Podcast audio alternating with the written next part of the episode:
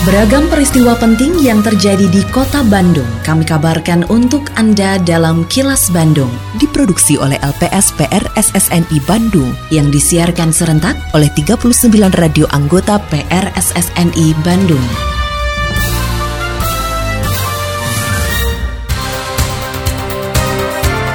Sejumlah informasi aktual kami hadirkan untuk Anda dan inilah informasi utamanya.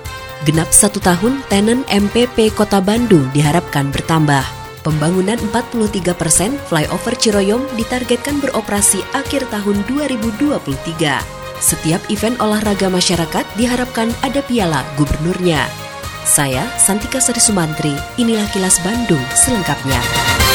Hadirnya Mall Pelayanan Publik atau MPP menjadi wujud dari komitmen pemerintah Kota Bandung menghadirkan pelayanan publik prima bagi seluruh masyarakat Kota Bandung. Hal tersebut diungkapkan pelaksana harian Wali Kota Bandung Emma Sumarna saat memperingati satu tahun Mall Pelayanan Publik di Jalan Cianjur, Kota Bandung. Emma berharap kehadiran MPP Kota Bandung semakin memudahkan masyarakat mendapatkan pelayanan publik karena indeks kepuasan masyarakat Kota Bandung saat ini mayoritas sudah masuk kategori hijau. Sejak dibuka 23 November 2022 lalu, MPP Kota Bandung yang menyediakan lebih dari 28 tenen dan 97 layanan telah dikunjungi lebih dari 24 ribu kunjungan. Emma berharap tenen di MPP terus bertambah untuk mengakomodasi berbagai kebutuhan masyarakat, terutama pelayanan publik. Selain itu, hadirnya MPP menjawab stigma negatif tentang pelayanan publik. Namun, segala pencapaian tersebut harus terus ditingkatkan melalui berbagai inovasi. Seiring dengan waktu yang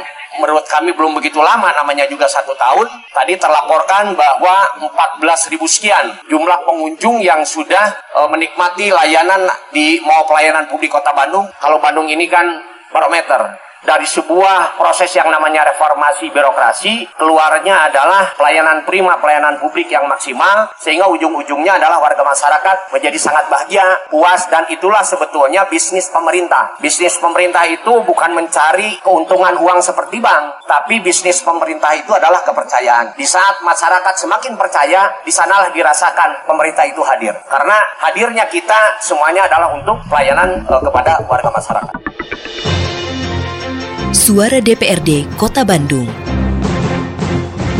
Wakil Ketua Komisi A DPRD Kota Bandung, Agus Andi Setiawan, menilai bencana kebakaran yang terjadi di Kota Bandung akhir-akhir ini perlu mendapat perhatian khusus dari pemerintah Kota Bandung, dalam hal ini Dinas Kebakaran dan Penanggulangan Bencana atau Diskar PB. Agus mendorong Diskar PB Kota Bandung berkolaborasi dengan masyarakat agar bencana kebakaran dapat diantisipasi dan perlu dilakukan mitigasi bencana. Politisi PKS ini juga berharap dengan langkah yang dilakukan oleh Diskar PB dapat meminimalkan angka bencana kebakaran di kota Bandung, terutama saat musim kemarau. Selain itu, Agus pun berharap masyarakat turut memantau sistem kelistrikan serta hal-hal yang bisa menyebabkan kebakaran harus kita sepakati antara DPRD sama pemerintah gitu ya. Hmm. Nah kesepakatan itu ada di Perda. Jadi kita sudah tahu sama tahu. Jadi apa pun kebutuhannya sudah dukung. Akhirnya pemerintah kota itu harus mengatur rencana industri iya RIS, PKRI, SPK. Kemudian juga bagaimana rencana sistem pencegahan kebakaran gitu ya. Dan rencana sistem penanggulangan kebakaran. Nah ini yang memang harus kita bangun. Tadi ada APAR ya. Tapi APAR juga sebetulnya mah siapa yang mengantisipasi? Terkadang kan masyarakat juga ya mm-hmm. nggak tahu itu luar siapa saatnya diperlukan. Beberapa gedung juga damkar itu eh, ketika rapat kerja sama kami kewalahan. Hmm. karena pemeriksaannya itu kan terbatas terbatas. Oh. oleh karena itu semuanya harus melek ya terhadap kebakaran ini. Karena apa? Ketika kebakaran ini terjadi banyak hal yang dirugikan ya luar biasa ya. Tapi terkadang kalau saya lihat ya keberpihakan anggarannya ternyata ya Kini, audio podcast siaran Kilas Bandung dan berbagai informasi menarik lainnya bisa Anda akses di laman kilasbandungnews.com.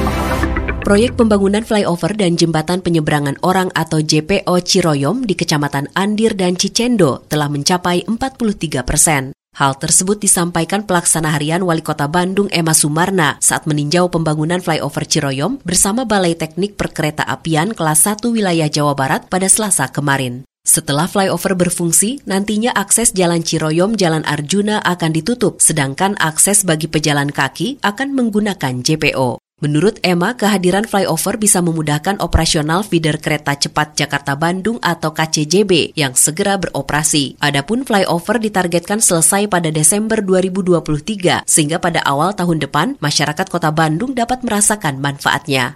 Alhamdulillah barusan kita bertemu dengan istilah dulu itu Pimpro ya eh, dari pihak PT KAI dengan Kepala Balai bahwa pengerjaannya sudah 43 persen dan itu nanti semua total kegiatan di sana itu akan selesai di bulan Desember tahun ini. Jadi flyovernya nanti sudah berfungsi dan difungsikan. Kemudian jalan yang menghubungkan antara Ciroyom ke Aruna itu nanti dibenteng, ditutup, diganti untuk pejalan kaki itu ada e, eh, JPO yang nanti berdiri di atas lintasan kereta ya. Itu masuk dua wilayah yang satu kakinya di Anir yang satu kakinya di Cicendo. Kemudian masyarakat yang nanti akan melintas ke sana harus berputar dulu ke sebelah barat. Mereka melakukan U-turn di sana baru naik ke flyover Gubernur Jawa Barat Ridwan Kamil mengharapkan setiap event olahraga yang diikuti masyarakat menyediakan piala gubernur. Harapan tersebut diungkapkan Ridwan Kamil saat Grand Final Volleyball Gubernur Jabar Cup 2023 di Bandung.